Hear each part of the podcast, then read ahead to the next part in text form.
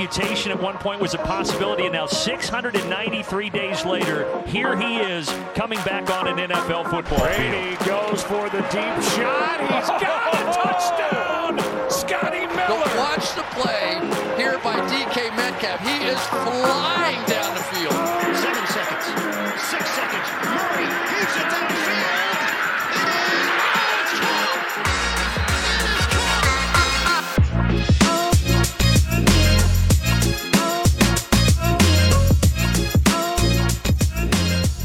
Welkom allemaal bij een nieuwe aflevering van de Sport Amerika NFL podcast. Aangezien hij afgelopen week live de Cornhole Europe Open moest verslaan voor de Amerikaanse televisie, nota bene, is Tom de Vries er helaas nog steeds niet bij. Maar zoals altijd probeer ik eh, zo goed en zo kwaad mogelijk die grote leemte op te vullen. Ik ben Toon Aert en vandaag word ik eh, virtueel geflankeerd door Lars Leeftink en Mark Doornbos. Welkom heren. Goedenavond. Goedenavond. Ja, vrienden, vandaag de grote NFL eh, 2022 preview show. We zijn 23 augustus vandaag. En naar goede traditie gaan we dat in twee delen doen. En vandaag dus deel 1, en dat is de AFC. En Mark, daarvoor kom ik bij jou uit natuurlijk als eh, Bengals-fan en Bengals-kenner. Heb je het Bengals eh, preseason al nauwgezet gevolgd? Ehm, het- enigszins, maar het pre-season van de Bengals is tot nu toe nog niet zo'n doorslaand succes gebleken. Oh nee, ik, Eh, de, uitslagen, de uitslagen zijn niet fantastisch, maar ja, het is pre-season, dus echt wakker liggen doe ik daar niet van. heeft eh, Joe Burrow al een snap gespeeld of blijft hij op zijn eh, golfkarretje zitten? Volgens mij heeft hij nog geen snap gespeeld, maar daar moet je me niet op vastpinnen. En jij, Lars, geniet je van het preseason? Eh geniet is een groot woord, denk ik. Want het is, eh, de, de, zeker week 1 was eh, vrij slecht. Maar eh, je zag al wel week 2 dat het iets, iets beter werd. Het niveau wat beter werd. Maar ja, weet je, bedoel, de, de komende week natuurlijk, week 3 gaan we natuurlijk helemaal geen starters meer zien. Dus dan wordt het waarschijnlijk het niveau weer een tikje minder. Maar ja, het blijft vooral apart natuurlijk. Die, eh, we komen straks in de situatie dat al die mensen eh, hun contract opgezegd zien worden of gekut zien worden. En dat gaan echt, dat gaan echt honderden zijn.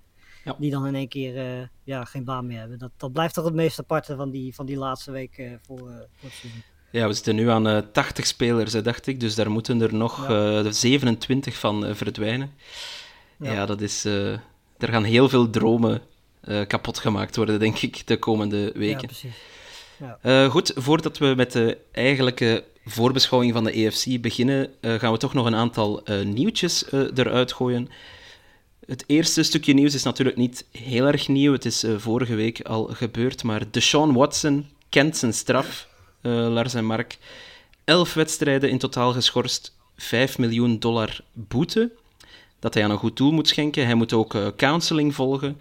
Ehm, de NFL gaat hem ook monitoren en evalueren enzovoort. Maar ja, de vraag die we denk ik allemaal al via onze eigen Twitter-kanalen hebben beantwoord, maar toch, ik ga ze hier ook stellen. Ja, wat vinden we hier nu van? Elf wedstrijden. Hij keert terug trouwens, eh, oh ironie, hij keert terug in de wedstrijd tegen de Texans, zijn vorige ploeg. Ja, ik vond het, het eerste statement al meteen, hè, toen, eh, toen er voor het eerst erbij kwam dat hij eigenlijk 6 zou krijgen. eh, eigenlijk al vrij opvallend, want ze gaven eigenlijk gewoon aan in dat statement dat hij dingen fout gedaan had, dat er bewijs voor was. Ehm, maar blijkbaar was voor alles wat hij gedaan had, zes wedstrijden genoeg. Ehm, wat eigenlijk ronduit bizar is. En eh, ja, ik persoonlijk had niet heel veel vertrouwen in dat de NFL, eh, gezien de geschiedenis en alles en hoe ze daar met dit soort dingen omgaan, eh, daar een schepje bovenop zou doen. hebben ze gelukkig wel gedaan. Ik had nog steeds gehoopt op een heel seizoen. Dat was denk ik de, de meest terechte straf geweest. Ja, die boete, weet je, ik bedoel, dat haalt hij uit zijn broekzak en dan is hij er vanaf. Daar, zal hij zich niet zo heel veel druk om maken, denk ik, met al die guaranteed money wat hij gekregen heeft. Ehm, maar ik denk dat dit, eh, ja, het is een middenweg, hè. Het is, eh, het, ja, weet je, ik bedoel, het, is heel lastig nu ook voor de Browns om een inschatting te maken, want ja, als je maar zes wedstrijden had, had je gezegd van, nou ja, weet je wat, we doen die zes wedstrijden met Brissett, hè, met een redelijk makkelijk schema, en daarna neemt Watson het over. Maar nu zit je eigenlijk een beetje eh, in het midden.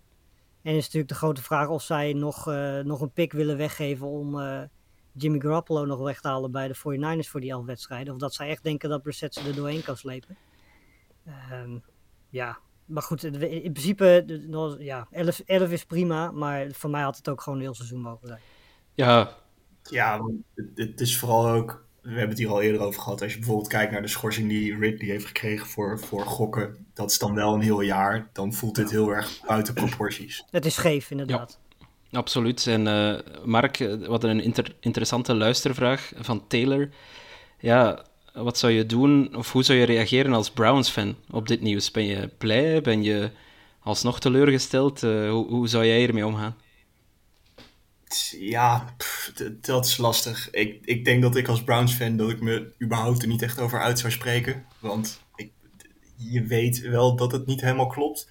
Dus ik denk dat je dan ook niet gaat klagen over een schorsing. Maar het, is ook wel... Het is makkelijk praten als niet-Browns-fan zijnde. Ik weet niet wat ik zou doen als er zoiets bij de Bengals zou gebeuren. Ja, kijk, uh, mijn mening is dat ik elf wedstrijden ja, gewoon te weinig vind. Ik vond dat het uh, 17 wedstrijden had moeten zijn, uh, heel, heel het seizoen. En ik vind de boete 5 miljoen, dat is de helft eigenlijk van zijn jaarsalaris vorig jaar. Ja. Um, eigenlijk vind ik dat ook uh, te weinig. En, ja, er zitten twee kanten altijd aan zo'n aan zo'n verhaal als dit. Dat is het sportieve en het uh, morele kant. En de sportieve kant die zegt van uh, het is best wel logisch. Bill Watson is een upgrade ten opzichte van de quarterback die ze hadden. Ze zitten in een situatie dat ze kunnen en moeten winnen met het roster wat ze nu hebben. En Watson is normaal gesproken iemand die daar grotere kans toe geeft dan de quarterbacks die ze hadden. Um, maar ja, puur vanuit het moreel oogpunt is het natuurlijk bizar dat je zo iemand zo lang contract geeft en vooral zoveel guaranteed money geeft. Uh, terwijl je niet eens weet of hij überhaupt in actie gaat komen. En ook, ook, terwijl je weet wat hij allemaal gedaan heeft. En je zag het ja, ook al in die wedstrijd tegen de Jaguars bijvoorbeeld. Uh, ja, weet je, het heeft ook impact op het team, want ze gaan overal nu gewoon uitgejoeld worden. Um, weet je, dan kun je zeggen, is alleen tegen Watson. Maar uiteindelijk gaat het nu gewoon natuurlijk impact hebben op de hele organisatie uh, die de Browns zijn. Ja, en ook de manier waarop de Browns uh, zijn contract ingedeeld hebben. Dat hij in het eerste jaar aanzienlijk minder ging verdienen dan ja. in de jaren daarna. Dat, dat geeft ook wel aan dat ze ergens ook wel de bui een beetje zagen ja. hangen. Ja. Dat vind ik ook wel een beetje... Ja, alle partijen zijn uh, niet vrij van cynisme natuurlijk. Hè, want de NFL zelf, ja goed, hem laten terugkeren tegen de Texans, dat is ook natuurlijk enkel en alleen maar voor de storyline en de ratings. Dus ja, uh, ja foei, en foei we NFL. wel wezen, geen, geen enkel NFL-team is daar vrij nee, nee, nee. Het is niet, niet alleen de Browns. Nee, ik denk dat je bij elk team wel uh, een voorbeeld uh, uit de kast kan halen. Nee, nee, absoluut. absoluut. Uh, kijk, de Browns gaan maken een slechte beurt hier, maar de NFL als geheel ook, of zelfs nog meer. Dus ja. Nee, zeker niet enkel maar stenen naar, uh, naar de Browns gooien, absoluut niet. Weet je, en, en, vorig jaar waren het de Jaguars die, van, die, die er slecht op stonden. Het jaar daarvoor was het voetbalteam. En over een half jaar of een jaar hebben we weer een ander team. Ja. Weet je, dat, uh, helaas is dat de gang van zaken. Dat is uh, het donkere kantje aan de NFL, inderdaad. Ja, uh, goed, daarmee gaan we het hoofdstukje uh, schorsing van Watson alleszins afsluiten. En hij komt misschien later nog, nog wel een keertje terug, want we hebben het natuurlijk over de EFC. nog een paar kleine nieuwsfeitjes die ik heb opgepikt vandaag. Kenyon Drake, die ja, is ontslagen, enfin, ontslagen, die is doorgestuurd bij de Raiders. Die moet op zoek naar een nieuw team na zijn blessure vorig jaar. Te, terecht, Lars? Uh, nou ja, ik zit even te kijken. Ik weet dat ze Jacobs natuurlijk hebben als uh, de eerste running back. Maar ja, precies. Ze hebben natuurlijk uh, White daar ook. Die heeft in de preseason best wel wat indruk gemaakt. Dus blijkbaar vonden ze dat genoeg om, om te zeggen van... Nou, we hebben liever zo'n jonge jongen dan, dan Drake als backup.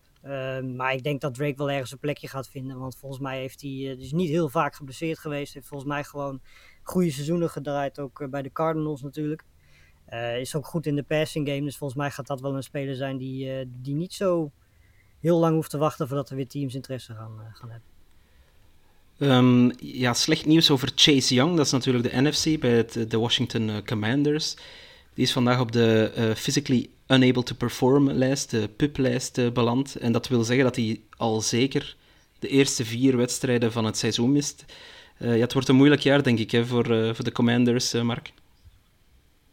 Ja, ontzettend. Die hebben het vorig jaar al niet makkelijk gehad. Dit jaar ziet het er niet naar uit dat het beter gaat worden. En als je dan Chase Young ook nog moet missen in de eerste vier wedstrijden, dat is nogal een slok op een borrel. Die scheelt. Vorig jaar hebben ze ook het grootste gedeelte van het seizoen moeten missen. Ja, dat, dat, dat verschil merk je wel meteen. Want dat is, jongens wel een ontzettend getalenteerde verdediger. Absoluut. Uh, en dan iets in jouw ballpark, Lars. college football. Nick Saban, de legendarische coach van Alabama. Die heeft uh, ja. eventjes een nieuw contract van acht seizoenen getekend en uh, daar gaat uh, 93,6 miljoen dollar mee gepaard. Dat is Ja. een stevig contract. Ja, en toch, eh, toch is hij per jaar, nou ja, hij is wel natuurlijk gewoon de nummer 1, maar de, de- wat dat betreft zit hij niet zo heel ver weg van de, de coach van Georgia. Ehm, maar ja, het geeft wel aan wat, voor, eh, eh, wat ook de voornaamste reden is dat je veel meer coaches, je normaal gesproken heb je altijd het systeem dat goede coaches in, eh, in college ook wel naar de NFL willen. Ehm, maar eh, ja, weet je, het is op dit moment gewoon qua geld interessanter om eh, een headcoach te zijn in, in college zo langzamerhand. Zeker als je in, de, natuurlijk in de SEC zit. Want volgens mij is van de top 5 zitten er drie of vier coaches in die, die, die uit in de SEC coachen. Ehm, ja, weet je, en het laat ook duidelijk zijn dat Nick Saban dat natuurlijk wel verdiend heeft. Want eh, die, die is natuurlijk al, al jaren op bizar hoog niveau aan het eh, presteren met Alabama. Maar eh, die, die, die gaat voorlopig niet richting de NFL, kan ik je Ja, dat wou ik vragen. Een naïeve vraag van ik als ja, college leek. Zien we Saban ooit in de NFL terug of, eh, of moeten we dat vergeten? Nee, die, die, gaat, die, gaat hier eh, nog wel jaren zitten en dan stoppen. Weet je, dat, eh, die, die gaan we echt niet meer. Die heeft ook geen enkele reden, die heeft niks te bewijzen in de NFL. Financieel hoeft hij het niet te doen. We hebben het ook gezien met, met Urban Meyer, die ook dacht dat hij. Hij was ook best wel een goede trainer in, eh, in- of headcoach in college. Die dacht ook dat hij naar de NFL kon. Tja. Ik denk dat, eh dat, dat geen enkel ri- geen risico nodig hoeft eh, te nemen om dat ook nog te laten zien in de NFL. Dus dat gaat niet Een, een allerlaatste nieuwsfeitje, heet van de naald. dat is specifiek voor jou, Mark. Ik denk dat ze het daarom nu hebben gelanceerd. Maar Jesse Bates, safety van de Bengals, die, die is terug in de facility. Die gaat dan toch trainen. Zijn holdout eh, is voorbij. Hij heeft zijn franchise tag getekend, dus geen nieuw contract. Eh, ben je daar blij mee, Mark? Ja, ik ben daar blij mee. Ik denk dat hij, hij was vorig jaar ontzettend belangrijk eh, in, een, in een niet al te beste Bengals secondary. Dus dat hij nog een jaartje gaat spelen, dat is wel ontzettend fijn. Maar ik denk wel dat ze al hebben voorgesorteerd op het feit dat hij niet meer bij gaat tekenen bij de Bengals. Doordat ze Dexton Hill hebben gedraft in de eerste ronde afgelopen april. Maar ja, het is wel fijn dat hij terug is, want hij is gewoon een ontzettend goede safety. Alright, dat voor het nieuws. Dan kunnen we door naar ja, onze voorspellingen. En jullie weten allemaal hoe goed we daarin zijn. Ehm, we pakken het een beetje hetzelfde aan als vorig jaar, maar ook weer een beetje anders. Dus we gaan geen records meer eh, voorspellen voor de teams. Wel een aantal individuele prijzen per conferentie. Maar eh, ik wou beginnen met vijf eh, stellingen over de EFC of over bepaalde divisies of spelers van de EFC. En ik wil even kijken, eh, heren, hoe jullie daarop eh, reageren. Mijn eerste AFC-stelling is de Los Angeles Chargers winnen dit seizoen de AFC West. Ja, Ja, Dat heb ik de vorige keer ook al gezegd. Ja. Ik, eh, ik geloof volop in, eh, in de Chargers. Ook als je ziet wat ze allemaal, eh, allemaal uitgegeven hebben aan spelers, vooral verdedigend gezien. Eh, we hebben daar vorig jaar natuurlijk al vaak over gehad dat die, dat die offense wel staat. Daar hebben ze de afgelopen jaren in geïnvesteerd. En afgelopen offseason was de verdediging aan de beurt. Ehm, en zeker die, die run defense zal natuurlijk beter moeten worden. Nou, Joseph Day is natuurlijk een hele belangrijke aanwinst daarin. Eh Khalil Mack gaat daar een grote rol in spelen. Dat, eh, dat ja, zien misschien mensen niet omdat ze gefocust zijn op zijn pass maar hij is ook een hele goede run defender. Ehm, dus de- ja, weet je, en hebben ze ook nog een secondary natuurlijk met JC Jackson versterkt. Ehm, hopelijk blijft Derwin James eens een keer een heel seizoen fit. Ja, als dat allemaal gebeurt, dan... eh, en eh, je weet ook dat de Chiefs wat naar achter zijn gegaan wat dat betreft. Eh, denk ik dat dit wel eens het, eh, het seizoen voor de, voor de Chargers zou kunnen worden. In ieder geval in de, in, in de AFC West. Jij bent het daarmee eens, Mark? Ja, ik heb er eigenlijk heel weinig aan toe te voegen. De, de Chargers zijn er echt ontzettend op vooruit gegaan dit offseason. En eh, ja, de Chiefs zijn nog steeds heel erg goed, maar wel minder. En de, ja, nee, de Chargers, die, eh, dit wordt hun jaar, eh, zou Ja. zomaar kunnen. Ehm, ik heb de, de preview geschreven voor Sport Amerika over de Chargers. En ik ben er ook zeer optimistisch over. Maar wat me een beetje terughoudt, is ja, de kracht of de sterkte van, van die hele divisie. Met ook de Raiders, met ook de Broncos, de Chiefs uiteraard. Ehm, en ik denk dat al die teams ja, games gaan afpakken van elkaar. Ehm, misschien daarmee ook verband houdend, eh, Lars, is, is de AFC West nu duidelijk de beste divisie in de NFL, of toch niet? Eh, ja, zeker. Weet je, ik bedoel, dit is een beetje vergelijkbaar met wat we over, ik denk een jaar of twee jaar geleden over de NFC eh, West zeiden. Die was toen heel sterk, is nu nog steeds heel sterk. Maar ja, weet je, ik bedoel, de AFC North is ook een sterke divisie. Maar je hebt hier gewoon vier teams in zitten die de playoffs kunnen halen. Dat, dat kan geen enkele andere divisie zeggen in de NFL momenteel. Dus uh, ja, weet je, bedoel, de, en ze zijn alle vier ook heel erg actief geweest. Ja. Hè? De Broncos zijn actief geweest, de Raiders zijn actief geweest. Ze willen allemaal winnen. Um, dus ja, weet je, en dat past ook wel een beetje in de AFC, want de AFC is veel sterker dan de NFC natuurlijk dit jaar. Um, dus het, het, ja, het, het wordt een hele mooie divisie, omdat ze natuurlijk ook twee keer tegen elkaar allemaal spelen. Dus dat zijn, uh, nou even uit mijn hoofd, 8 à 10 wedstrijden die, uh, die heel erg vermakelijk gaan zijn uh, dit seizoen. Ja, dat wordt genieten. En heel vaak primetime ook waarschijnlijk. Ik hoop het wel alleszins. Alhoewel, ja, primetime betekent dat wij ze... Uh, ja. ja. dat het iets minder democratisch is voor ons. Maar goed, goed um, een tweede statement uh, gaat over een team uit de AFC East. De Buffalo Bills die winnen dit seizoen meer dan 15 games in het reguliere seizoen. Dat is, dat is wel heel veel. Nee. 15 games? Ja, de, de, we hebben natuurlijk wel 17, uh, 17 weken dit ja. jaar. Of ja, 18 weken, 17 wedstrijden. Ja. Uh, dus 15 in 2 of beter. Ja. Ja, dat lijkt me. Zeker in de EFC lijkt me dat toch wel uh, bizar goed zou dat. Dat zou echt bizar goed zijn als ze dat redden. Ongeacht, hè, ik bedoel, Bills zijn voor mij ook de favoriet in de EFC. Uh, er is bijna geen complete team in deze conference, maar uh, ik zit ook een beetje naar hun, hun, schema te kijken. Ik bedoel, ze spelen tegen de Chargers, natuurlijk twee keer tegen de Patriots en de Dolphins. uit bij de Ravens tegen de Bengals. Ehm, ja, weet je, dat gaat, uh, dat gaat niet zomaar even een programma zijn waar je heel makkelijk... Ik denk dat ze, dat ze 13 of 14 wel eens wel zouden kunnen winnen, maar ik denk dat 15 te veel is. Maar als ze er 15 winnen, dan uh, bevestigen ze wel hun status als topfavoriet. Absoluut. Ja, ja wat, wat, ik denk is, de Buffalo Bills zijn uh, geen team dat dit offseason, dit offseason uh, grote splash moves heeft gemaakt, op Von Miller na uiteraard. Um, en daardoor ja, omdat ze al zo goed waren. En daardoor wordt er, heb ik de indruk, een beetje voorbij gekeken aan de Bills. Uh, iedereen heeft ja. het over de Chargers of over de, de, de Broncos die nu Wilson hebben enzovoort. Uh, Lamar Jackson die terugkomt bij Baltimore, et cetera. Um, maar volgens mij, wat jij ook al zei, Lars, uh, zijn de Bills gewoon het beste team in de AFC. Misschien wel het beste team of meest complete team in de NFL. Met een goede coachingstaf op elkaar ingespeeld. Voilà, uh, weinig nieuwe namen. Dus um, ja, ik, ik, ik acht het eigenlijk wel mogelijk hoor, dat ze 15 uh, of zelfs uh, 16 keer winnen. En uh, als Patriots-fan in die divisie kijk ik er absoluut niet naar uit om er weer twee keer tegen te spelen. Nou, 15 is echt een... veel. Wat is de laatste keer dat dat überhaupt gebeurd is? 15. dat is een goede vraag. Ja, dat soort feiten moet je nou wel opzoeken. Ja. Je, dat ja. Zo doe je Want dat is, dat is, volgens mij is dat echt, echt heel erg lastig. Zelfs als je uh, nu een wedstrijd meer hebt natuurlijk. Uh, en je rekent erbij dat de EFC alleen maar sterker geworden is. Weet je, als de Bills nou bijvoorbeeld in de NFC hadden gezeten. Hè, met het team wat ze nu hebben, dan oké. Okay. Weet je, dan hadden ze bijvoorbeeld in de, in de NFC North gezeten.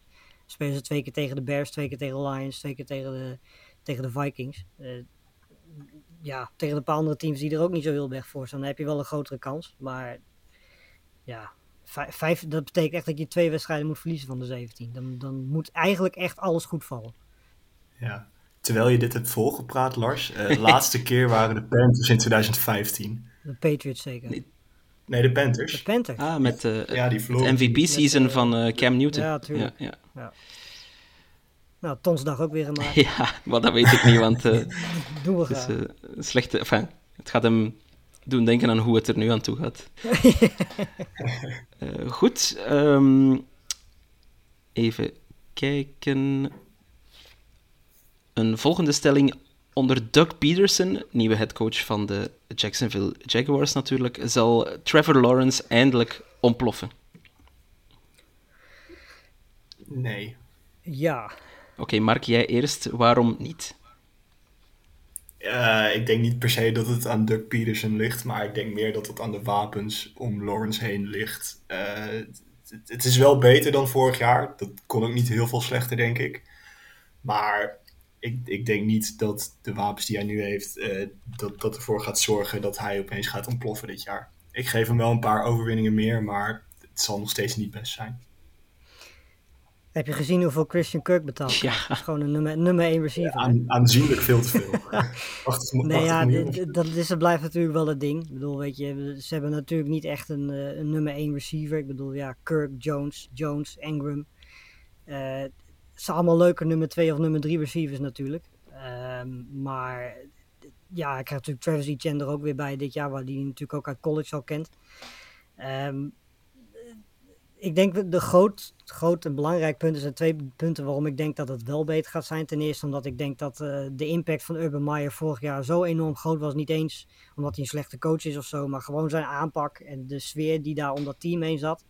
Dat zag je ook aan het einde van, van vorig jaar al, toen hij natuurlijk al weg was. Toen begon Lawrence één keer een van zijn betere wedstrijden te spelen. Ehm, weet je, en Doug Peterson is natuurlijk wel iemand, hè, dat hebben we ook met Carson Wentz gezien, de tijd dat hij nog niet geblesseerd was geraakt. Ehm, dat, hij, eh, dat hij dat best wel kan. Eh, en Lawrence is natuurlijk ook gewoon nog een jonge quarterback. Die vorig jaar eh, gedurende het jaar wel beter werd. Vooral qua, qua turnovers natuurlijk. Begin van het jaar deed hij echt heel veel. Werd steeds minder. En na Meyer begon hij de laatste paar weken ook wel goed te spelen. Ehm, dat plus het feit dat ze in ieder geval iets hebben gedaan aan de, de offensive line. Weet je, ik bedoel, het is niet dat er nou een, ineens een top 10 offensive line staat. Maar als die offensive line al top 15, eh, misschien top 20 is, is het al een grote verbetering ten opzichte van vorig jaar. Ehm, en ja, weet je, dat helpt ook gewoon de, de ontwikkeling van Trevor Lawrence. Dat kan bijvoorbeeld een, eh, een Justin Fields bij de Bears niet zeggen, want die heeft Nee. er helemaal niks om mee te Nee, nee, nee. Nee, Ehm, dat dus de- ja, weet je, en daarbovenop, het kan ook niet heel veel minder dan dat het vorig jaar was. Ja, ik, ik geloof er wel in, eh, gewoon omdat Lawrence ja, nog niet bewezen heeft dat hij geen generationeel talent is, zal ik maar zeggen. Ehm, hij had toch wel echt eh, pech vorig jaar met, met, met zijn landing spot, eh, denk ik, eh, bij Urban Meyer. Dus ehm, ik, ik wil het wel het voordeel van de twijfel geven. Trouwens, even een zijsprongetje. eh, als we dan toch in de AFC South eh, zitten. Eh, Wout, eh, die vroeg aan ons wie de AFC South eh, gaat winnen dit jaar. Het zullen niet de Jaguars zijn, eh, neem ik aan, maar eh, wie dan wel?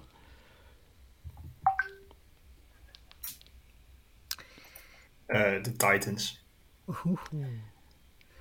Ja, ik neig dus, hoe dichter we bij het seizoen komen, steeds meer naar de Colts. Maar dat is het gevaar wat eigenlijk elk jaar een beetje zo is. Want we hebben elk jaar eh, Colts met een nieuwe quarterback gezien. En elk jaar wordt het één grote ramp. Ehm, ja, die, die twee teams zitten wel echt... Weet je, ik zou de verdediging van de Colts kiezen. eh, in ieder geval. Aanvallend gezien, weet je, ze hebben allemaal, allebei een beetje vergelijkbare... Ze hebben een fantastische running back, allebei quarterbacks ontlopen elkaar niet zo heel veel. Ik denk dat Tannehill op dit punt misschien iets beter is. Maar eh, het zal niet heel veel schelen. Eh, receivers, ze missen allebei echt... eh, ze hebben allebei één goed wapen. Dat zijn Woods en Pittman. En daarachter is het maar afwachten wie erop gaat staan. Ehm enige voordeel aanvallend wat ik zie, denk ik, is de, de offensive line van de Colts. Ik denk dat die een stuk beter is dan die van de Titans. Ehm, ja, weet je, ik denk dat dit onmogelijk te voorspellen is. Ik denk dat het de, de doorslag, denk ik, gaat geven wie het eh, meest fit kan blijven. Wie er het minst tegen blessures aanloopt. Eh dat soort kleine dingen, plus de onderlinge wedstrijd, gaan denk ik, eh, gaan denk ik wel beslissen. Want deze twee teams zitten echt heel dicht bij elkaar. Geen, geen upset van Davis Mills en de Texans? Als we over de Jaguars heen gaan, is dat al. Ja. Ja, dat denk ik eigenlijk ook. eh. ik, ik neig ook eerder naar de Colts, al valt het mij wel op hoezeer eh met Ryan gehyped wordt dit eh, tussenseizoen. Ook al heeft hij toch wel echt een belabberd, enfin, toch een zeer pover vorig seizoen achter de rug. En dat kwam natuurlijk deels door het team rondom hem bij de Falcons, maar, maar toch... Ik weet nu niet of eh Matt Ryan nu ineens een top 10 eh, quarterback van de NFL opnieuw wordt. Ik, ik vrees een beetje dat die, die trein het station verlaten heeft. Nou, we zagen het ook met, eh, met Philip Rivers en natuurlijk met Carson Wentz. Weet je, daar was om een of andere reden ineens ook weer vertrouwen in dat hij een of andere god zou worden. Ehm, ja, weet je, bedoel, Matt Ryan had eigenlijk vorig jaar zijn eerste mindere seizoen. Dat is natuurlijk bizar eh, consistent geweest al die jaren. Weinig blessures gehad. Eigenlijk volgens mij helemaal geen blessures gehad. Ehm, het is natuurlijk nog steeds gewoon een hele goede quarterback. En als je zo'n offensive line daar, daar neerzet, eh, zou het zomaar zo kunnen zijn dat hij eh, in één keer weer een beetje wat terughaalt van, die, eh, van, van dat fantastische seizoen dat hij toen met de Falcons had. Maar ja, weet je, het, het is moeilijk om, om te zeggen dat hij echt heel veel beter gaat zijn dan Tannehill bij, eh, bij de Titans. Ja, daar sluit ik me bij aan. Maar ik, ik heb van, de, van die drie quarterbacks die ze gehad hebben, Rivers, Wentz en nu Ryan, heb ik wel het meest vertrouwen in, in Ryan. Ja, dat ben ik met je eens. Alright, uh, blijven we even in de quarterback-sfeer. Een uh, volgend statement. Mark, ik ga jou de spits laten afbijten. Patrick Mahomes is nog steeds de beste quarterback in de AFC en bij uitbreiding in de NFL. Uh, ja, ja daar sta ik volledig achter. Ik denk dat Mahomes nog steeds. Mahomes is een van die spelers waarbij je, hoe langer je hem ziet spelen, hoe meer je normaal gaat vinden wat hij doet. Terwijl het eigenlijk helemaal niet normaal is wat hij doet. Uh, als je hem ook weer afgelopen jaar in de playoffs te keer zag gaan, met name tegen de Bills natuurlijk. Ja, dat is echt van een ongekend niveau. En wat mij betreft is hij nog steeds de beste quarterback in de AFC. En ik denk dat hij dat er nog wel een tijdje blijft. En in de NFL trouwens ook, denk ik. Wat denk jij, Lars? Uh, ik denk dat er, uh, dat er één iemand wel heel erg dichtbij aan het komen is. Josh Allen. Ik denk dat hij uh, ja, elk seizoen een beetje, zeker vorig jaar, dichterbij gekomen is. Herbert gaat denk ik komend seizoen heel dichtbij komen. Maar ehm, ja, op basis van, van de resultaten afgelopen jaar en het feit dat hij ook vorig jaar voor het eerst zich moest aanpassen omdat de verdediging op hem aanpaste en dat ook richting het einde van het seizoen deed. Ehm, denk ik wel dat hij gewoon nog steeds de beste quarterback in de, in de NFL is. En daarom wordt het komend seizoen ook heel interessant. Het is natuurlijk het eerste seizoen zonder Tyreek Hill. Uh, met ja, een stuk of drie nieuwe, nieuwe receivers die hij gaat hebben. Waarschijnlijk ook een andere speelstijl op basis van uh, de receivers die gekomen zijn. Dus wat dat betreft gaat komend seizoen wel een beetje laten zien of Mahomes inderdaad zich verder kan aanpassen dan dat hij bijvoorbeeld vorig jaar al heeft gedaan. Um, maar op dit moment zou ik uh, Mahomes inderdaad nog net voor, ja, kijk, net, net voor Herbert, net voor Allen, net voor Rodgers, net voor Brady zetten. Ja, daar ben ik het mee eens. Burrow. Um, en ja, we mogen Burrow niet vergeten, maar ik absoluut niet. Uh, um, ik vind dat Patrick Mahomes op basis van uh, één helft uh, in de AFC Championship game op een of andere manier aan het kruis genageld wordt door, NFL, enfin, door de media in, in, in de NFL. Wat ik een zeer ja. bizarre ontwikkeling vind. na al die jaren van dominantie door, door de Chiefs en door, door Mahomes. Um, en ik denk dat hij een beetje in navolging van de Tom Brady's en de Aaron Rodgers van deze wereld. Ik denk dat hij met een chip on his shoulder uh, dit seizoen gaat aanvatten. En ik denk dat we het, uh, ja, het laatste nog niet gezien hebben van Patrick Mahomes. Ik denk dat hij echt helemaal gek gaat gaan dit seizoen. Uh, ja. Ik kijk er alleszins naar uit als dat gebeurt. Uh, laatste stelling van het rijtje. Mark, dat is ook weer eentje voor jou. het is een negatieve in dit geval. Maar uh, ik, ik beweer, de Bengals zullen hun sprookje van 2021 niet kunnen herhalen. Ja, ik weet niet wat je wil dat ik hier nou antwoord. je moet er uh, keihard tegenin gaan, Mark. Keihard tegenin. Het, het, is echt, ja, het is echt nog pre-season. Het is als fan veel te vroeg om nu al realistisch te gaan zijn. Dus uh, ja, ze zullen het niet herhalen in de zin van dat ze deze keer de Super Bowl ook gaan winnen natuurlijk. er, er staat een offensive line die in, in geen, op geen enkele manier natuurlijk top 10 of zo is, maar wel al zoveel beter dan vorig jaar. En als je kijkt wat Burrow vorig jaar bij Vlaag al kon doen, achter die vreselijke O-line, ja, tuurlijk, ze zitten in een verschrikkelijk moeilijke AFC, maar ze staan er wel gewoon weer goed voor dit jaar. Ja, ik, ik geloof wel in de Bengals als zeer goed team, maar Lars, um, AFC Championship Game, uh, Super Bowl, kan dat opnieuw? Of, of um, of gaan de teams zich beter hebben ingespeeld nu op de Bengals? Uh, nou ja, weet je, de, de verrassingsfactor is natuurlijk sowieso weg. Weet je, bedoel, dat hadden ze natuurlijk vorig jaar wel. Um, wat wel interessant is om te zien, ze gaan natuurlijk dit jaar, weet je, volgens mij, en Mark moet maar even mij corrigeren als ik daar geen gelijk in heb, maar volgens mij richting het eind van het seizoen begonnen ze pas meer uh, te pasen, terwijl ze aan het begin van het seizoen echt nog wel heel veel uh, natuurlijk loonden op mixen. Ook vanwege de ja, blessure waar Burrow natuurlijk van terugkwam. Dus ja, ze gaat dit jaar natuurlijk.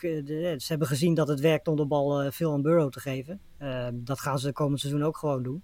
Het probleem is alleen dat er nog acht teams zijn die ook zo'n quarterback hebben en ook zo'n systeem hebben. Um, en ja, weet je, op de Chiefs en de Patriots na hebben de afgelopen jaren wel gezien hoe ongelooflijk moeilijk is. Het is om, om twee, drie jaren achter elkaar zo'n prestatie en zo ver te komen. Um, als je daarbij optelt dat hij dan inderdaad ook nog heel veel concurrentie gekregen heeft vanuit eh, vooral de AFC West. Um, ja, weet je, de logica zegt omdat hij nu een veel betere offensive line heeft natuurlijk. ehm, en ook nog een veel betere relatie heeft ook nog met zijn receivers. Zou je zeggen van ja, dan eh, worden zijn prestaties ook beter. Ehm, maar het- ja, weet je, de, de playoffs gaan er wel in zitten. Ik denk dat de wildcard plek er wel in zit. Ehm, als het een beetje mee zit eh, bij blessures bij andere teams, zoals de Ravens bijvoorbeeld, zouden ze de divisie kunnen winnen. Maar ik denk dat eh, ja, de Bills, Chargers en de Chiefs voor mij daar toch nog wel een categorie boven staan. Alright, eh, ja Mark, misschien eh, kan ik eh, daar toch nog één vraag aan koppelen. Eh, winnen ze wel de AFC North? Eh, ja, daar, daar geloof ik wel in. De, de Ravens zijn nu weer fit in vergelijking met vorig jaar. Dus die zullen wel aanzienlijk meer eh, concurrentie gaan vormen. Maar ik, ik geloof er wel in dat de Bengals de AFC Noord weer kunnen winnen. Ja. Ja, het zal alleszins ook net als de AFC West, denk ik, een, eh, ja, een super interessante eh, divisie zijn om te volgen. Ik ben toch ook heel benieuwd hoe de, de zombieloze Pittsburgh Steelers het dit seizoen gaan doen. Ehm, ja, dat wordt eh, interessant om te ehm, natuurlijk, eh, stel de Bengals kunnen hun sprookje niet herhalen. We hebben daar een eh, luistervraag over gekregen van Taylor. Ehm, welk team zou dit seizoen in de AFC wel een Bengals-achtig sprookje kunnen beleven, Lars? Eh, ja, daar heb ik wel even over na moeten denken. Ehm, ik had er eigenlijk twee. Eh, de, de Broncos zijn denk ik het meest, eh, de meest logische keuze, gezien wat ze allemaal in Frenzy gedaan hebben. Het feit dat ze eindelijk een quarterback hebben. Eh, dat was dus eigenlijk al jaren hetgene wat ontbreekt bij dat team. Verder hebben ze een fantastisch team bij elkaar gezet via Frenzy, via de draft. Ehm, ja, en Wilson zou dan het ontbrekende puzzelstukje moeten zijn natuurlijk, samen met, met Hackett die daar nu zit. Maar ehm, het andere team, wat, weet je, als je het dan echt hebt over sprookje, want weet je, ik bedoel, de Bengals hadden we vorig jaar denk ik allemaal op zeven overwinningen of zo, misschien acht. Dan, eh, en ik kijk naar de AFC, dan zou ik zeggen de Jets. Ehm, dat, weet je, ik denk dat we de Jets ook wel verwachten op ongeveer 4, 5, 6 zegens. Ehm, maar als alles daar goed valt, zoals het vorig jaar bij de Bengals goed viel, hè, Wilson is in één keer, eh, heeft het in één keer gevonden en laat zien wat hij in college liet zien. Eh Brees Hall blijkt een fantastische running back te zijn. Gary Wilson is een nummer 1 receiver. Staat er meteen zoals Chase er stond. Eh, die offensive line eh, doet het fantastisch. Met natuurlijk Brown die ze erbij gehaald hebben als vervanger van... ik ben zijn naam Beckton inderdaad. Verdediging verbetert een heel stuk onder Saleh. Wat natuurlijk vrij realistisch is. Ehm, ja, dan, dan kan dat natuurlijk wel. Ehm, maar ja, weet je, om heel eerlijk te zijn... al- Als ik iemand realistisch gezien moet aanwijzen, zou ik de Broncos zeggen. Wat denk jij, Mark? Ja, eh, de realistisch inderdaad de Broncos. En ik wilde in eerste instantie ook de Jets zeggen, maar dan ga ik wat anders zeggen. Ehm, dan zeg ik de Dolphins. Hm. Eh, die hebben wel hevig geïnvesteerd in het team. Eh, en ik verwacht echt niet dat zij eh, dat ze heel ver gaan komen. Playoffs zitten denk ik wel in. Maar als we het dan toch over een sprookje hebben, dan, eh, dan ga ik de Dolphins eh, zeggen. Maar dan, eh, dan moet Tua nu al gaan laten zien wat hij waard is. Ja, dat, ik ik had al een beetje gehoopt dat je de Dolphins zou zeggen, want dat sluit naadloos aan bij een vraag van Kevin Hofland. En Mark, jij, jij mag daar ook op antwoorden. Is Tua de man voor de Dolphins, of wordt hij al dit seizoen vervangen door, in, midden in het seizoen dan, door eh, Teddy Bridgewater? Ja, ik moest wel lachen om die vraag, omdat die twee dingen liggen nogal ver uit elkaar. ik, ik weet niet of Tua de man is voor de Dolphins, maar om hem nou meteen te vervangen door Teddy Bridgewater, dat vind ik ook alweer een, een heftige beslissing. Eh, maar het is natuurlijk wel zo dat Tua dit jaar wel moet gaan laten zien dat hij de quarterback voor de Dolphins is. Want de situatie is er wel naar voor hem om te laten zien wat hij kan. Dus als dat dit jaar weer niet gebeurt, dan, dan ben ik benieuwd wat de Dolphins met hem gaan doen. Ja, dat, denk ik ook. Ja, Lars, eh, het is erop of eronder hè, voor eh, Tua dit jaar. Ja, en ik eh, moet heel eerlijk zeggen dat ik er wel vertrouwen in heb. Ik, eh, weet je, ik bedoel, Tua heeft ook de afgelopen jaren ook qua coachingstaf niet echt het, ja, het systeem en, en, en de, de, de trainers gehad en de headcoaches gehad die hem in de goede positie brachten. Er was ook veel gedoe natuurlijk rondom, eh, rondom eh, de, de, de vorige trainer die ze daar hadden. Ehm, en nu, weet je, ja, hij heeft volgens mij met eh, de, de McDaniel die er nu zit, eh, een headcoach in huis die hem ook denk ik op zijn best kan laten presteren in dat systeem. Ook Garoppolo en, eh en Goff heel erg goed in presteren van, eh, van. Eh, hij heeft daar natuurlijk ook ervaring mee onder, onder Shanahan bij, Shanahan bij de 49ers. Dat Heeft Jimmy Garoppolo ook heel erg geholpen. En ik denk dat Tua in dat systeem ook op zijn best is. Ehm, en als je dan nagaat dat ze daarnaast eh, bizar veel wapens hebben met Hill, met Waddle, eh, met Gesicki, met Wilson. Ze hebben eh, een stuk of vier running backs. Eh, blijkbaar vonden ze dat heel erg nodig. Tja. Past natuurlijk ook wel bij het, eh, bij het systeem van, van, van McDaniel en van eh, de 49ers die we daar zagen. Ehm, ja, weet je, de grote vraag ook voor hem gaat zijn eh, de, de offensive line. Ook daar hebben ze veel in geïnvesteerd. Ze hebben twee zwakke plekken. Eentje op, eh, op left guard en eentje op right tackle. Eh, Liam Eigenberg en Austin Jackson speelden vorig jaar niet heel erg goed. Maar wellicht dat daar eh, verbetering in zit. En ze hebben natuurlijk Armstead en Williams erbij gehaald om, eh, om die lijn ook te versterken. Dus ja, ik, ik denk dat alle ingrediënten aanwezig zijn. Ehm, alleen de vraag is hoe goed gaat dat dan zijn? Gaat het goed genoeg zijn om, om de Dolphins ook te zeggen van we gaan all in en we gaan proberen ons tijdens het seizoen nog te versterken. En we gaan Tua ook een langer contract geven zoals bijvoorbeeld eh, Mayfield en Jones er niet bij gebeurd is omdat ze niet hebben kunnen overtuigen. Ehm, zit er dan misschien nog meer in dan dat? Kunnen ze, kunnen ze misschien wel de Bills uitdagen? Dat zou natuurlijk het meest ideale scenario zijn in die divisie voor hun. Eh, maar ik denk dat het eh, best realistisch is om te verwachten dat zij die divisie boven de, boven de, eh, boven de Dolphins, boven de Patriots uit kunnen komen. Ja, ik vond het al jammer dat niemand de Patriots als mogelijk, mogelijk sprookje van 2022 aanduidde. Maar ik denk niet dat dat realistisch is, eerlijk gezegd. Ik vind het wel altijd gevaarlijk. ehm, teams die echt alles wijzigen in een offseason en dan verwachten dat er meteen resultaten zijn. Ik bedoel, als, als ook de coachingstaf helemaal omgegooid wordt, ja, dan, dan, dan moet echt alles meteen in elkaar vallen. Kan dat al lukken in een eerste seizoen? Eh, daar, daar heb ik een beetje schrik voor. Ja, maar Tua heeft die tijd niet meer. Nee, klopt, klopt. Dat, eh, Goed, ehm, zoals vorig jaar eh, hebben we ook een aantal zeg maar, individuele voorspellingen gedaan. Dus geen records, zoals ik al zei, maar we gaan wel even kijken wie ja, de sterren van de EFC kunnen worden dit jaar. En gaan we ook elk voorspellen wat de EFC eh, title game eh, wordt. Maar we beginnen met de individuele spelers. En eh, wat mij meteen opviel is in de Offensive Player of the Year categorie dat wij alle drie voor een quarterback gegaan zijn. Dat, ja, dat hoeft niet te verbazen, denk ik. maar het zijn alle drie andere, inderdaad.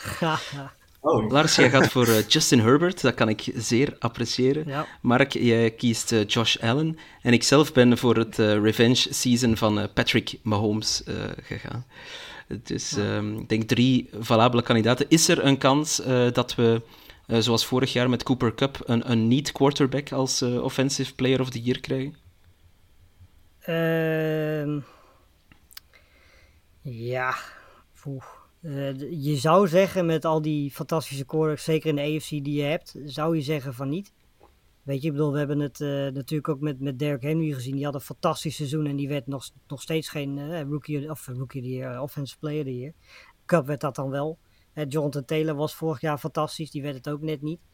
Ehm, dus je moet wel echt zo'n heel erg goed seizoen hebben, wil je, wil je een kans maken. Ehm, dus, maar goed, het is bewezen dat het kan. En toch denk ik dat het tussen, tussen één van die drie gaat. En wellicht Aaron Rodgers vanuit de NFC. Eh, ik denk dat dat toch wel de, de, de vier grote favorieten gaan zijn voor dit jaar. Ja, dat denk ik ook. En inderdaad, als het dan een niet-quarterback moet zijn, dan moet Jonathan Taylor of Derrick Henry, die Ja. moeten echt een, een 2000 yards seizoen gaan, gaan rennen.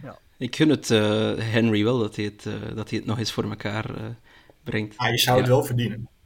Eh, als we dan naar de defensieve kant van de zaak gaan kijken, dan hebben we bij Mark eh, de Defensive Player of the Year Joey Bosa van de Chargers. Eh, zeer interessante keuze vind ik dat, nu Khalil Mack daar ook aan de andere kant staat. Lars die gaat voor Miles Garrett van Ja. de Browns. Toch een lichtpuntje bij de Browns dan dit Ja, seizoen. precies. En ik zelf ben voor JC Jackson gegaan, ook al Chargers. Ehm, waarom eh, ben ik voor Jackson gegaan? Hij had vorig jaar al het, ehm, eh, het, het interceptierecord, eh enfin, record. Hij had het meeste aantal eh, intercepties met 11.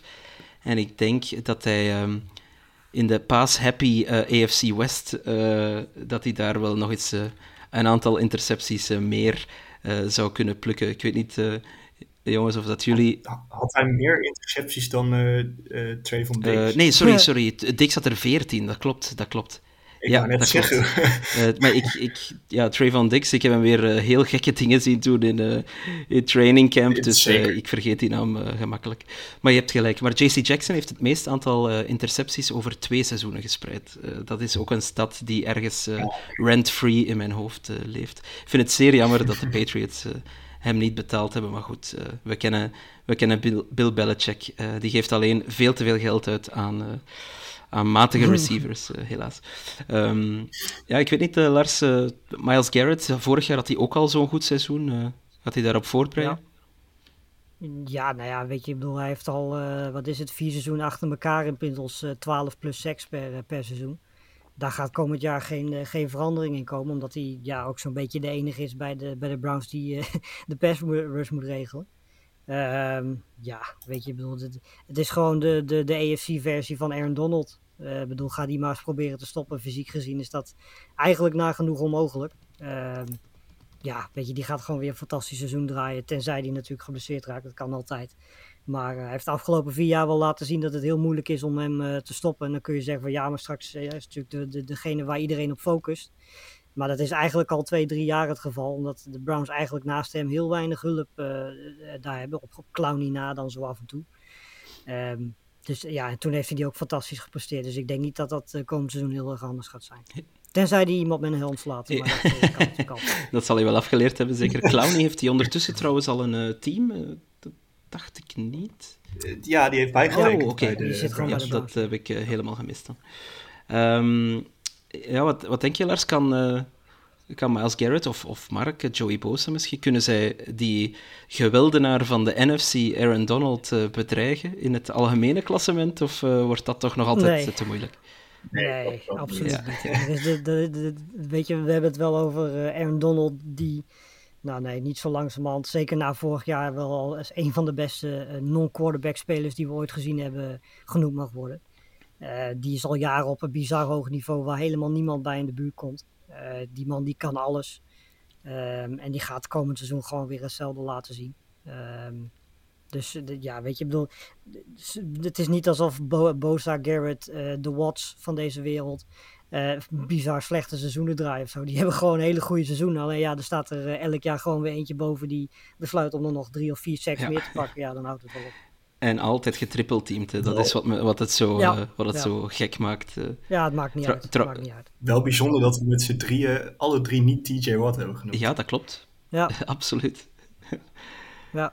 Ja, hij mag het, eh, hij mag het bewijzen. Maar het geeft ook wel aan hoe ongelooflijk veel goede verdedigers er in de, de AFC zitten als Ja. hij niet genoemd wordt door. Ja, de AFC is van ongekend hoog niveau. Ja, want een, een Derwin James hadden we ook kunnen noemen hier. Eh, ja, Darius Leonard hadden we kunnen noemen van de Colts. Nou ja, ga zo een lijstje, een lijstje nog maar even af. Absoluut.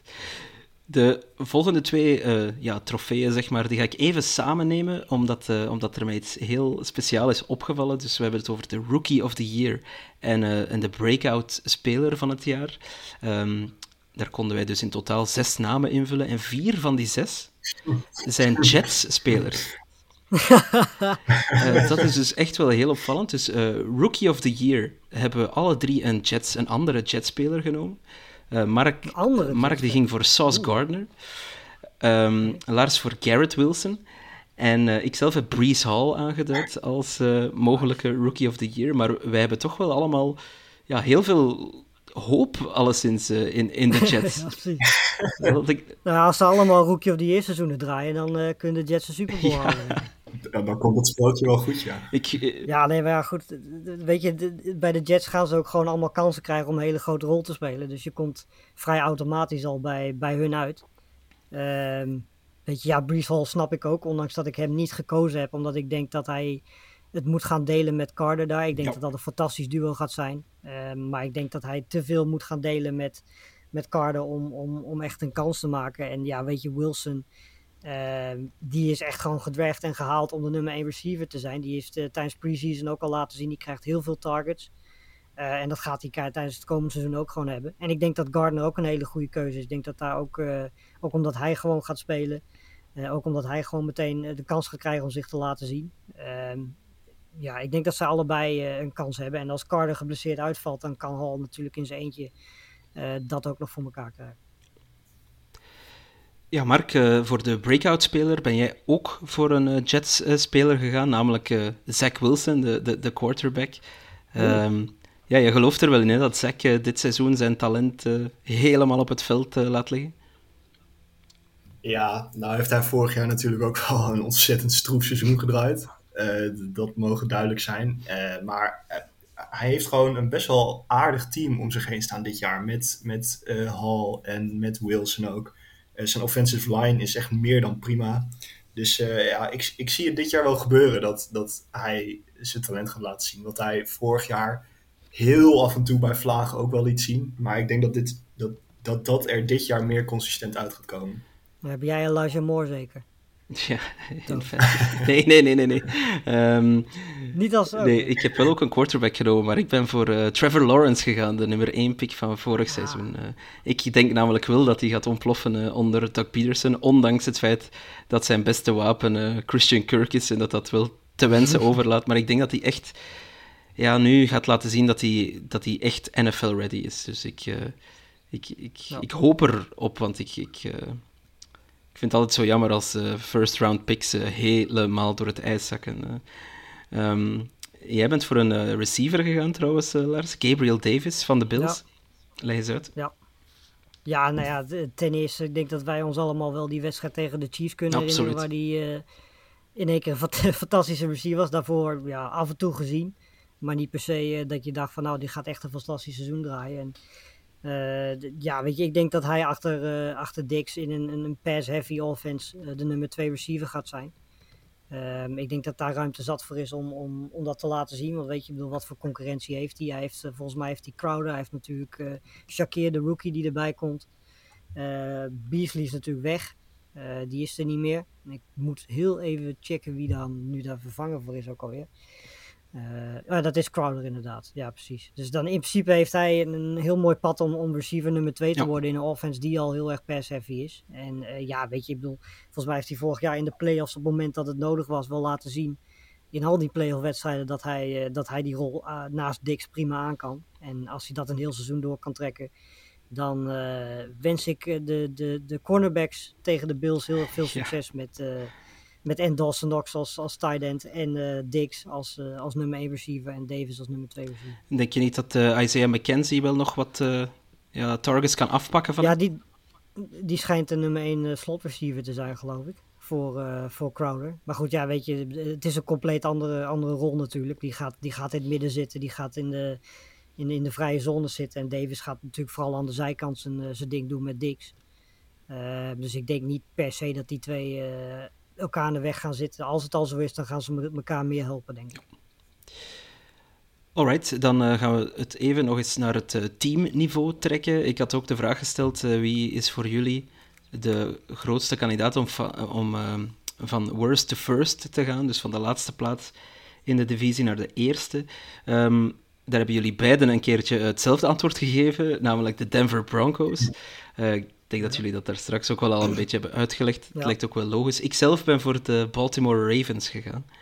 Um, ik, ik, was zelfs vergeten dat die vorig jaar uh, laatste waren in de, in de AFC North. Uh, maar het schijnt wel zo te zijn. Um, en ik denk echt wel dat uh, een, een, een, een fitte Lamar Jackson, ook een, een uh, J.K. Dobbins die terugkomt, um, denk ik wel dat de Ravens gewoon weer heel erg gevaarlijk kunnen zijn. De wide receiver room ziet er uh, speciaal uit, zal ik maar zeggen. um, maar goed, Harbaugh maakt er wel iets van, denk ik. Ze hebben ook Mark Andrews nog altijd natuurlijk op tight end. Uh, en ik denk dat uh, Lamar Jackson een beetje in navolging van Patrick Mahomes ja, gepikeerd aan het seizoen gaat beginnen. Want volgens mij zag ik een aantal lijstjes doorkomen dit seizoen waarin Jackson niet in de top 10 quarterbacks van de NFL staat. Um, heb ik ook een aantal pundits gehoord die zeiden dat ja, dat ze misschien toch gelijk hadden dat uh, Jackson uh, maar een running back had moeten zijn enzovoort. Ik vind dat heel vreemd. Um, heel vreemde geluiden. Nou, ik moet heel eerlijk zeggen, ik, ik, ik kom als, als ik negen of tien quarterbacks moet noemen die ik op dit moment beter vind dan Lamar Jackson. Uh, ik denk dat ik zeker op zeven namen kan komen. Um, daarna wordt het misschien wel wat lastiger. Uh, dan zit hij zeg maar in de categorie met Kyler Murray bijvoorbeeld. Maar het, het is wel heel close als je het echt hebt over top 10. En weet je, het is natuurlijk een compleet nutteloze lijst. En het is natuurlijk allemaal heel erg suggestief. Dus, maar ja, ik, ik, ik, ik moet heel eerlijk zeggen dat er wel een aanwezige kans is dat hij bij mij ook buiten de top 10 valt. Zo. Ehm, maar, Lars, eh, solliciteer ja, maar meteen voor eh. NFL Media, zou ik zeggen. Nee, de- ja, het is net erin of net eruit bij mij. Maar weet je, ik bedoel, Mahomes, Allen, Brady, Rodgers, Herbert, Burrow. Dan heb je er al zes. Murray, wellicht, dat is zeven. Dan begin je al in de... Heb ik Tom Brady al genoemd? Ja, ik denk het wel, ja. hè? Eh, nou, ja, Derek Carr zou je een discussie over kunnen maken op basis van wat hij vorig jaar liet zien. Maar misschien is dat iets te ver gegrepen. Eh, wie hebben we nog Watson. meer? Die we zouden kunnen. Eh, Watson, inderdaad, als die fit is. Ehm, weet je, de- maar ja, ik denk dat hij net in, net in de top 10 staat bij mij. Maar ik, ik kan er zeker zeven noemen die ik voor hem zou zetten.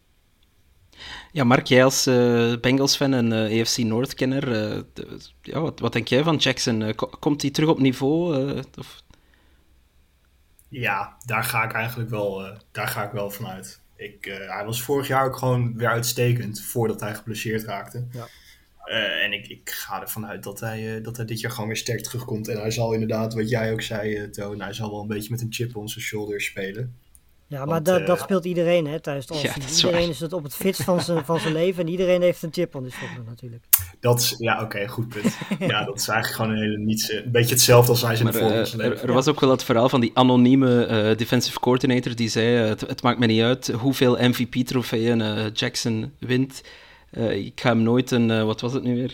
Ik, ik ga hem nooit een Hall of Fame quarterback vinden of zoiets. Ja, dat soort uitspraken. Ik, ik, ik frons daar toch de wenkbrauwen bij, eh, eerlijk gezegd. Nou, het, is gewoon een hele unieke quarterback. Weet je, ik bedoel, de, de- op Kyler Murray na heb je niet zo'n type quarterback die, die de dingen kan doen die Lamar Jackson kan. Weet je, als hij op de top van zijn kunnen is, als hij dat MVP-niveau weer kan halen wat hij had.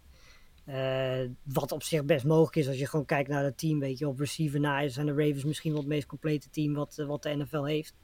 eh, na de Bills. Ehm, dus weet je, in principe is alles daar. Goede coachingstaff, noem het allemaal maar op. Eh, en ik denk dat hij ook dit seizoen wel weer gewoon een fantastisch seizoen gaat draaien. En mee gaat draaien bij de beste, beste running backs ook. Hè, als je het hebt over, eh, over yards. Want de Ravens gebruiken eh, Jackson wel zoals de Cardinals eigenlijk Murray zouden moeten gebruiken. Of in ieder geval meer.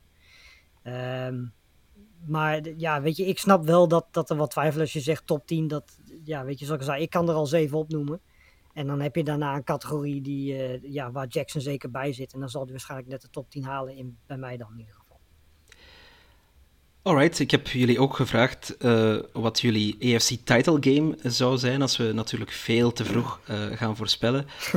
Tot niemands verbazing hebben we alle drie voor ja, een team gekozen die, die denk ik iedereen in zijn AFC title game zet. De Bills, dat, is, dat is geen verrassing, maar we hebben wel elk een andere tegenstander gekozen. Mark, vertel ons, eh, laat ons niet langer in spanning, wie is eh, de tegenstander in de AFC game dit seizoen? Ja, het tromgeroffel, dat zijn de Bengals. Dat- ik, ik, ga net, ik, ik ga net zo lang totdat het tegendeel wordt bewezen dit seizoen. Ga ik hier beweren dat de Bengals gewoon de Super Bowl winnen. En het is nog steeds pre-season, dus dat komt hartstikke goed. Prachtig. Dat, dat zijn de takes die we nodig hebben bij Sport Amerika. Eh, Lars, jij gaat voor de Chargers. Ja, nee, ik heb het deze podcast en ook de vorige al gezegd. Ik, eh, ja, ik, ik, ik geloof wel in de Chargers wat ze aan het doen zijn. En ik geloof er ook wel in dat Herbert eh, dit jaar nog beter gaat zijn dan dat hij twee jaar geleden was. Vorig jaar was hij een tikje minder, maar niet heel veel minder. Ik denk dat hij dit jaar weer eh, een stap verder omhoog gaat zeggen. En echt die aansluiting vindt met, met Allen en met Mahomes. Er is nu een verdediging bij die, die het goed doet. Ik ben fan van de coachingstaff. Het feit dat ze zo agressief spelen, zo graag voor fourth downs willen gaan. Soms iets te graag, Ja. maar goed... Weet je, de- ze gaan in ieder geval mee in, in het moderne. En dat, ja, ik denk alles bij elkaar opgeteld. Ehm, ja, denk ik. Ik denk dat hij wel de Bills winnen, trouwens. Eh, maar ja, weet je, Bills tegen, tegen Herbert. Weet je, alsjeblieft, laat het, laat het twee, drie keer gebeuren. Absoluut. seizoen. Absoluut. Oh ja, heerlijk. Ja, van mij mag het gebeuren. Ehm, ja, ik ben voor een soort eh, revenge game gegaan, dus het eh, zullen de Bills tegen de Chiefs eh, worden. Dus een beetje... Jij bent wel van de revenges. Ja, niet? absoluut, absoluut. Ik, ik, geloof, ik geloof in die storyline. Eh, ehm, ik, ik, eh, het is een beetje saai, ik weet het, want de Chiefs zijn er al een, een hele tijd natuurlijk. Maar ik, ja, ondanks het feit dat ze een stap eh, terug hebben gezet op wide receiver, dat is duidelijk, denk ik gewoon dat ze nog altijd over een, een uitstekend team beschikken. en, en de beste quarterback in de NFL. Dus ehm, ja, ik, ik, ik zie het wel goed komen eh, met de Chiefs. Ik, ik zie dat nu al ook al voor me, dat, dat als die wedstrijd dan komt, dat iedereen zo ongelooflijk hype wordt op basis van wat we vorig jaar Ja. gezien hebben, dat de verwachtingen onrealistisch zijn. Want De, de- Ja, Er is- alleen maar en dan tegenvallen. 13-10 of zo. eh. ja, er is echt no way dat, die, dat ze die wedstrijd gaan herhalen. Dat is echt onmogelijk. De, de- echt de laatste jaren nog nooit zoiets bizars gezien als die wedstrijd. dat was echt... eh, dat, dat, dat was echt... eh, ja, Het was laat, maar het het was, was mooi. NFL-porno eigenlijk. eh, dat, dat. Ja, precies. Ja. Ehm, goed, een laatste categorie. eh, de Comeback Player of the Year, eh, jongens. En daar zijn we alle drie voor een eh, verschillende running back gegaan. Ehm, Mark, wie is jouw Comeback Player of the Year? Eh, Derrick Henry. Een beetje saaie keuze, maar ik, aangezien hij vorig jaar negen potjes heeft gemist, ga, is hij gewoon nu al een enorme kanshebber. En ik ga ervan uit dat hij gewoon weer hetzelfde doet als wat hij de afgelopen jaren heeft gedaan. Namelijk over, als een soort sneltrein over verdedigers heen donderen. Ik vind het een eh, zeer mooie keuze, ook omdat Derrick Henry toch wel echt eh, een lust voor het oog is. En zo'n speler zie je, zie je toch echt heel zelden eh, eh, terugkomen. Eh, Lars, jij ook een... En iets doet wat heel uniek is. Ja, hè. absoluut. Jarenlang als running back zo hoog niveau ja, en, en amper geblesseerd. ja, inderdaad. Want zelfs vorig jaar dan nog kunnen terugkeren Ja. in de playoffs. Ja, dat is toch eigenlijk zeer knap. Zeer knap. Ik hoop dat ze er goed mee omgaan dit seizoen. Ehm, Lars, jij ook een running back? Ehm, Ja, ik heb getwijfeld tussen twee. Ik had ook McCaffrey wel eventjes in mijn hoofd zitten. Maar toen dacht ik van ja, die raakt toch weer geblesseerd. Dus waarom zou ik überhaupt de poging wagen? Ehm, dus ik heb eh, gekozen voor Cam Akers van de Rams. Eh, die hebben natuurlijk vorig jaar in de playoffs al een beetje teruggezien. Eh, had eigenlijk amper tot totaal geen last van die, die, die blessure waar hij wonderbaarlijk snel van, van geneesde. En ja, nu heeft hij een heel off-season gehad. Eh, fantastische coachingstaff om zich heen. Was daarvoor natuurlijk al heel productief. Heeft eigenlijk nu Michel weg is gegaan, amper tot geen concurrentie meer.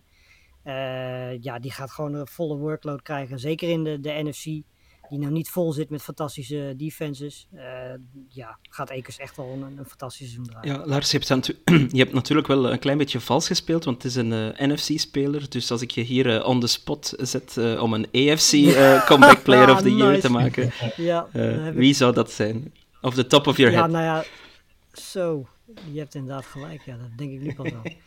Eh, Zo, nou. Ik, ga, ik ga je even laten nadenken. Mijn Comeback Player Ja, eh, of the Year in de AFC zou ook een running back zijn, namelijk eh, J.K. Dobbins van de Ravens. Vorig jaar helaas voor het seizoen al geblesseerd geraakt. Ik denk dat hij heel goed is. In zijn rookie season had hij al eh, 900 yards, denk ik. Ehm, dus ik, ik ga er wel van uit dat hij in de buurt zou kunnen komen, zelfs met Lamar Jackson, die ook veel zal rennen. Denk ik wel dat hij, dat hij over de 1000 yards kan gaan eh, dit seizoen. Eh, en heel belangrijk zijn in een, eh, in een offense die wellicht eh, run-heavy zal zijn. Eh, daar ga ik toch van uit. Zo, Lars? Ja, is dit de tijd die je me gaat Absoluut, ja? absoluut. Je bent nu ongetwijfeld eh Eh. depth charts aan het doorploegen. eh. nee, ja, ik, eh, de, de, de beste naam waar ik zo nu eventjes op kom is... eh, ja, ik geloof niet dat ik dit ooit ga zeggen, maar Mitch Trubisky Oh. van, eh, van, van de Steelers. Fantastisch. Fantastisch. Fantastisch, ja. eh, MVP season. ja, de, weet je, ik bedoel, het is ook niet zo heel moeilijk natuurlijk. Die gast heeft de afgelopen jaren amper tot niet gespeeld. Maar om een of andere reden geloven heel veel mensen in Trubisky, omdat hij ook bij de Bills op zich wel aardige dingen liet zien. En ehm, ja, waarom niet? Waarom niet een Trubisky, eh, fantastische Trubisky seizoen? Laten we doen, gewoon doen. Geen Kenny Pickett? eh. Eh, ja, nou ja, dan moet ik automatisch zeggen nee, Ja. hè, want het kan niet zo zijn dat ze allebei een fantastisch seizoen draaien natuurlijk. Dus nee, ja, Trubisky is op dit moment degene waar ik, waar ik een beetje op kom. Alright, mooie, zeer, zeer mooie keuze. Ik had nog een, Ja, doe ik ik, ik had nog een laatste uitsmijter, een soort bonusvraagje gesteld. We kennen allemaal de rubriek Antonio Boulevard bij Sport Amerika. Ehm, Antonio Brown, ook dit offseason is hij wederom in het nieuws gekomen, want eh, dat, dat kan hij wel, de beste man. Hij is nu ook een eh, professioneel rapper geworden. Ehm, maar ja, zien we hem nog terug in de NFL? En zo ja, bij welk AFC-team zouden we hem kunnen terugzien? Lars. Eh, ja, we gaan hem terugzien, want er gaat echt wel een team zijn dat richting of midden, einde van het seizoen, eh, denkt van ja, weet je, we hebben wel een goed team, maar eh, we hebben toch eigenlijk nog een receiver nodig. En eh, ja, Antonio Brown is dan natuurlijk samen met OBJ iemand waar je bij, bij uit gaat komen op dit moment. Ehm, en niet iedereen kan OBJ hebben. Dus de- op een gegeven moment moet je keuze maken. Ja, de- dan moet ik denken aan twee teams. De Ravens, die denk ik zo'n speler wel kunnen gebruiken. Volgens mij heeft hij ook een goede relatie met Lamar Ja. Jackson. Ehm, dus dat zou op zich een redelijk logische zijn. Alleen de vraag is, willen de Ravens die gok waren? Eh, en het tweede team, de Patriots. Nou weet ik niet of de Patriots het voor een tweede keer zouden Dat denk ik, dat doen. denk ik niet, eerlijk gezegd. Ehm, maar ja, ook zo'n team dat waarschijnlijk wel wil winnen. Waarschijnlijk in ieder geval nog in de buurt van wildcard plek zal zitten rond het midden en einde van het seizoen. En toch ook qua receivers. Ja, weet je, je hebt natuurlijk Parker, je hebt Myers. Ehm, maar ja, als je. Brown dan erbij kunt halen, waarom niet? Ehm, maar goed, ja. Het probleem is, het blijft bij eh, Brown natuurlijk. Je weet niet hoeveel wedstrijden je van hem eh, gebruik kunt maken. Want eh, ja, meestal is het binnen twee, drie wedstrijden weer raak natuurlijk. Eh, Mark, zou je hem graag bij de Bengals zien? Die kan daar, te- te- daar zou wel een plekje zijn, denk ik, eh, ja, als contender. Als contender kan hij daar wel nog wat doen, denk ik. Als, nou ja, als er, ik denk dat als er één positie is waar de Bengals Ja. niet nog een speler nodig hebben, dan is het wel wide receiver. Eh, ik, ik denk dat de Bengals, daar kan je over discussiëren, maar zeker een van de beste wide receiver rooms van de NFL hebben. Met eh, Boyd en Higgins. maar en gerust de beste, hoor. Chase. Oké, de beste. Eh, dus nee, eh, ik denk niet dat hij daar snel terechtkomen. Ja, ik had ook eh, in eerste instantie aan de Ravens gedacht. Eh, ik, ik, daar hebben ze niet echt. Bateman hebben ze daar volgens mij nu als nummer 1 Ja. receiver. Ja. Eh, ja, die, die, volgens mij heeft hij heel veel talent. Maar ja, dat is natuurlijk altijd afwachten. En daarachter zit niet zoveel. En wat Lars ook al zei. Hij kan het goed vinden met Lamar Jackson volgens mij. En anders is het eerste en beste team dat, als ik dan toch wat anders moet zeggen, wat zo in me opkomt. Ja, dan zou die terug moeten gaan naar de Browns of zo. Ja, ik vind de, de Titans en Colts in de AFC South ook nog wel interessant. Want die Ah, hebben ja. natuurlijk ook allebei één goede receiver. Nou ja, Woods komt van de blessure terug en Pittman, die is inmiddels wel de nummer 1 daar natuurlijk. Maar daarachter heb je heel veel vraagtekens, heel veel jonge jongens of jongens die vaak geblesseerd zijn. Eh, en beide teams willen natuurlijk ook gewoon graag winnen komend seizoen. Dus ja, wellicht dat daar nog ruimte Ja, de, de Titans die zijn wel ja, all-in gegaan tijdens de draft voor eh, Burks. Eh, gaat die niet alle Ja. kansen krijgen? Nou ja, ik, het valt mij op. Ik, heb dat wel, ik vond het heel interessant om te zien of hij ook in pre-season al heel veel kansen kreeg. Dat valt tot nu toe eigenlijk nog wel mee. Ik bedoel, hij krijgt niet heel veel targets, niet heel veel, heel veel ballen. Dat zegt natuurlijk niet zo heel erg veel. Maar goed, aan de andere kant, hij staat nou niet echt met de grootste concurrenten qua receivers en zo op het veld op dat moment. Want die spelen natuurlijk allemaal niet. Dus je zou zeggen dan, juist als hij dan speelt, krijgt hij veel aandacht, veel de kans. Maar dat valt eigenlijk wel mee tot nu toe in die twee wedstrijden die hij gespeeld heeft. Ehm, ja, weet je, ze gaan hem volgens mij gewoon niet eh, de ringer 1 maken. En hij is ook geen receiver 1. Ehm, en Woods, ja, je kunt twijfelen of hij een receiver 1 is. Eh, ik bedoel, hè, ik bedoel, hij was met Cup, Cup natuurlijk samen een fantastisch duo.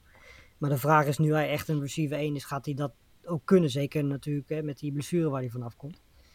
Ehm, dus ik denk dat daar wel plek voor is. En ik denk dat dat ook in het voordeel van, van, van Woods en van Burke zou werken. Zoals steeds eh, als het over eh, rookies en college-spelers gaat. Een heel helder antwoord van eh, Lars Leefting. Ehm, we hadden heel veel luistervragen ge- gekregen en ik eh, zou graag afsluiten deze aflevering. Dit deel 1 van de grote preview met een, eh, met een heel interessante vraag die we van eh, Arjan Kruithof hebben gekregen. Ik ga de bal eerst bij Mark leggen. Welke teams worden eigenlijk zwaar onderschat en welke teams worden net zwaar overschat volgens jou in dit preseason? Oeh. Onderschat. Eh, zo, daar zit je met voor het blok. Eh, hier had ik nog helemaal niet over nagedacht. Lars, Ja, jij nou ik kan eerst- er wel maar- nee, Dan ga ik even snel nadenken. Eh, ja, eh, de, voor mij het team wat het meest onderschat wordt, valt mij heel erg op, zijn de Patriots. Ehm, dat, ik vind het heel opvallend hoe, de team, hoe heel veel mensen de Patriots al neerzetten als een team dat, dat 5, 6, 7 wedstrijden gaat winnen. Ehm, terwijl het volgens mij nog steeds gewoon een team is dat een hele goede defense heeft. eh, nog steeds één van de beste offensive lines heeft. Mac Jones heeft het vorig jaar meer dan prima gedaan en kan dit jaar alleen maar weer een stap verder zetten. Gaat meer dingen mogen doen in die offense.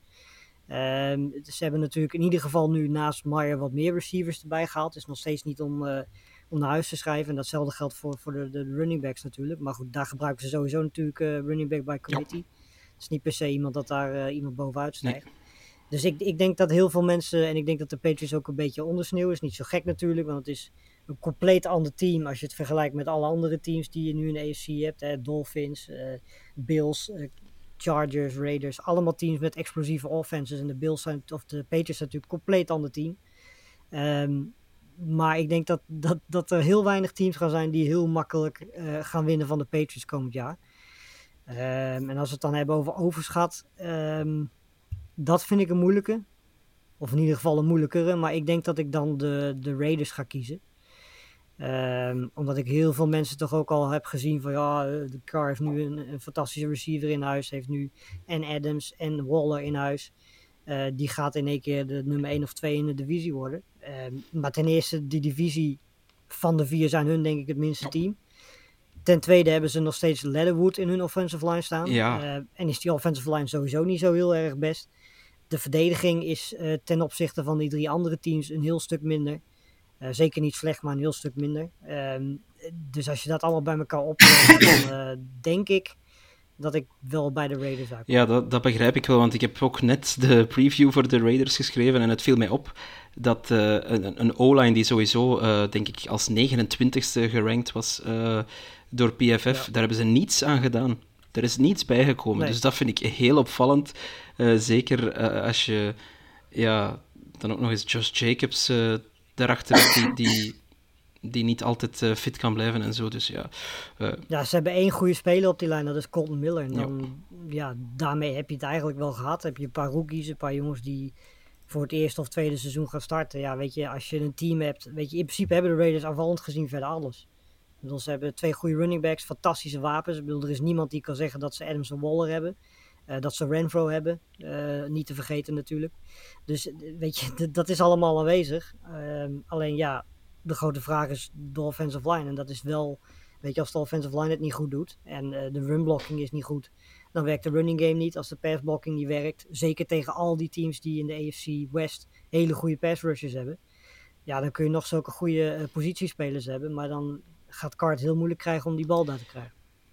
ja, daar eh, ben ik het met je eens. eh Mark? Was dat genoeg tijd, eh, Mark? Ja. Het probleem is dat ik even, even nagedacht en ik wilde eigenlijk ook gewoon de Raiders gaan Ah, zeggen. ja, ja, ja. Ik, ik denk dat er ook. Ik denk dat de meeste andere teams in de AFC wel redelijk op waarde worden geschat. Heb ik het idee. Ja. Zeg maar, er worden heel veel teams heel hoog ingeschat, maar die zijn ook gewoon heel erg goed. De AFC is sowieso natuurlijk beter dan de NFC. Eh, maar ik denk dat de Raiders inderdaad wel het worden overschat. Zeker als je kijkt naar hun divisie waar ze in zitten, zijn ze nog steeds wel echt de minste. Eh, onderschat, dan ga ik daar de Steelers zeggen. Eh, de, er wordt daar wel veel gedaan. Alsof ze, natuurlijk, die gaan een onzeker jaar tegemoet met een nieuwe quarterback. Eh, maar vorig jaar was het natuurlijk ook al niet best met Rodgers-Burger. Die, die was eigenlijk al met pensioen, maar die stond nog op het veld. Dus wat dat betreft kunnen die er bijna alleen maar op vooruit gaan. En de Steelers hebben nog steeds gewoon een hele sterke defensie met, met Hayward en TJ Watt en, en Fitzpatrick. Dus, Leuke eh, receivergroep ook. Ja. ja, de- ook daar is George Pickens, zie ik heel veel positieve berichten over. Ja. Die, eh, die kan zomaar eens een uitstekend seizoen gaan draaien. Ja, dan heb je nog Eh, Claypool, Johnson, Fryer Move, Najee Harris natuurlijk. Ja, dus, eh, dus ja, de Steelers, ik, ik denk dat die dan een beetje worden onderschat. En het belangrijkste, het veld, nu, mits, eh, nu eh, Ben Roethlisberger er niet meer is, is het veld natuurlijk straks ook gewoon in veel betere staat dan, eh, dan Geen gaten meer. Geen gaten meer. geen gaten meer. Precies. Het heet wel niet meer Heinz Field. Dat vind ik, dat vind ik wel heel jammer. Ehm, Ja, nou ja. Ehm, mooie keuze. En laten we ook de, de, de head coach daar trouwens Ja, niet vergeten. Want die is al, eh, hè, al jaren Ja, natuurlijk ja. boven 500 Tomlin, rijden. eh, schitterend.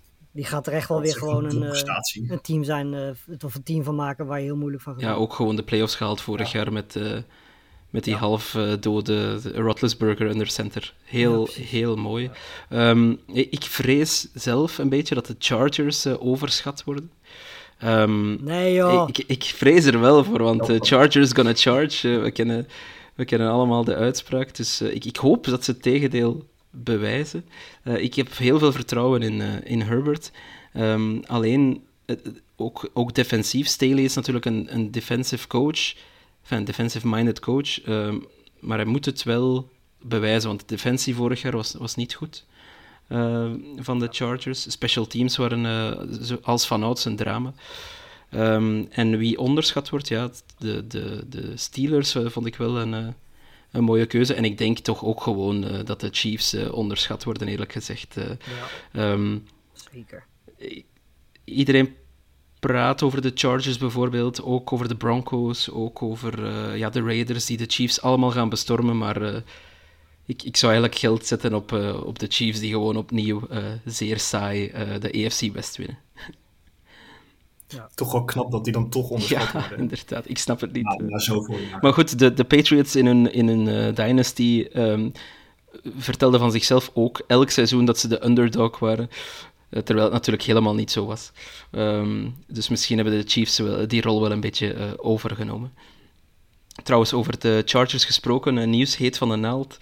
Ik denk, ja, ja ik denk dat mijn uh, Defensive Player of the Year, uh, dat, dat al een moeilijke zaak wordt, want uh, JC Jackson heeft een, een blessure blijkbaar opgelopen aan de enkel, is geopereerd en zal zeker twee tot vier weken oud zijn, dus, dus die mist al sowieso Oh. de start van het seizoen. Eerste twee wedstrijden. Ja, dat is zeer, zeer slecht nieuws voor de Chargers. Zonde. De, ja. Ik hoop, ik hoop dat uh, Derwin James heel blijft. Dan, uh, dan vangt hij dat wel op. Zo jongens, uh, we zijn er door. De EFC, een beetje anders dan vorig jaar. Maar ik denk dat we ja, toch alweer, als ik naar de tijd kijk, voldoende, voldoende gepraat hebben. Ja. Hard volgehouden. dus ik denk dat het goed is dat we bij deze deel 1 afsluiten. Um, morgen 24 augustus nemen we deel 2 op. Dat, uh, dat wordt de NFC. Uh, ook iets om naar uit te kijken natuurlijk. En uh, ik twijfel er niet aan, Lars, dat we ook dan weer ja, een uurtje vol zullen kunnen lullen. Dus daar gaan we gewoon voor gaan. Ik bedank jullie heren voor het deskundige commentaar. bedankt Mark, bedankt Lars en tot de volgende keer. Doei. Tot de volgende.